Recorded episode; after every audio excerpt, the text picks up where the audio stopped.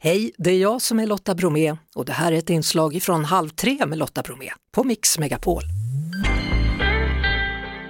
Ja, då var det äntligen dags. Nu fick vi det här som har förhandlats om och spekulerats i och hållits tyst om så lång tid. Nu fick vi svart på vitt. Ja, han klarade Ulf Kristersson. Mm. Och där stod de då, samtliga ledare för de fyra partierna och eh, såg ut att vara sams. Ja, det får man nog säga och ganska nöjda såg de ut också. Nu har de ju levererat i första steget en perm med eh, förslag för flera mandatperioder framöver.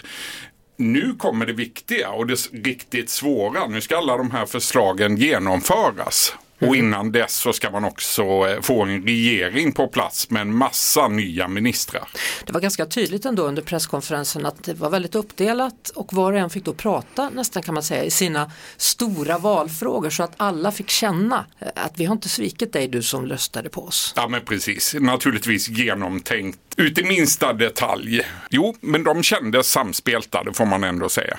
Det här är en lite ny form av eh, regeringsbildning för svensk del. Det är det ju absolut. Så här har vi inte riktigt eh, sett tidigare och det avtal som eh, de fyra partierna själva kallar för Tidöavtalet det är mer omfattande än inför någon regeringsbildning i svensk politisk historia. Nu handlar det inte längre om lappar som någon vänsterledare blev lovad. Precis, Stefan Löfven lovade Jonas Sjöstedt någonting på en hemlig lapp. Som vi aldrig har fått se. Nej men exakt. Ja men nu är det, nu är det stort dokument det här i alla fall. 60 sidor när jag eh, satt och tittade på den här presskonferensen, det första jag noterade var att vi går vad gäller kvotflyktingar från 6 400 per år till 900 per år. Det är en ganska stor skillnad. Ja, verkligen. Man säger ju också att Sverige nu ska ner på EUs miniminivå när det gäller eh, flyktingar. På område efter område levererar man ju helt ny politik nu. Är du imponerad över att de har fått till det så här?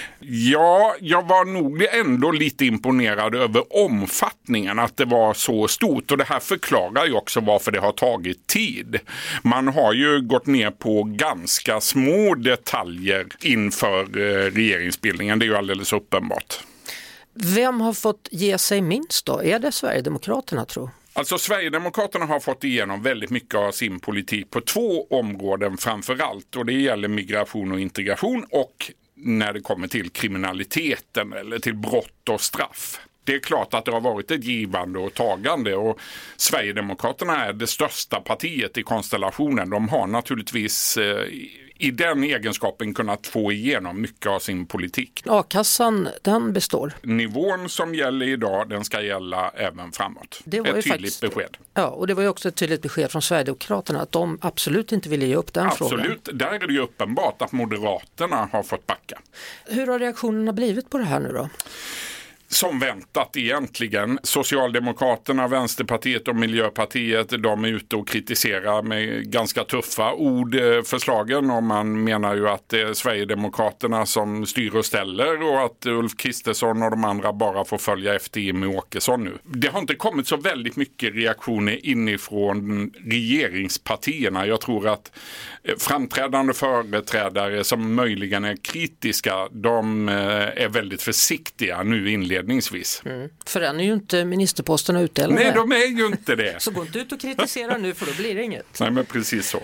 Jag, jag tänkte vi kan väl köra lite ministergissning på måndag, eller vad tror du? Väldigt gärna, spännande. Ja. Nästa vecka blir ju nästan ännu mer spännande. Ja, det blir det faktiskt och så får vi se hur länge de får sitta och så vidare. Det, det har ju varit vissa gånger när regeringar har skapats, har de bara suttit i två dagar för det var något lik i någon garderob som revs fram. Och vi kan vara helt säkra på att det ska grävas fram saker nästa vecka också. Ja.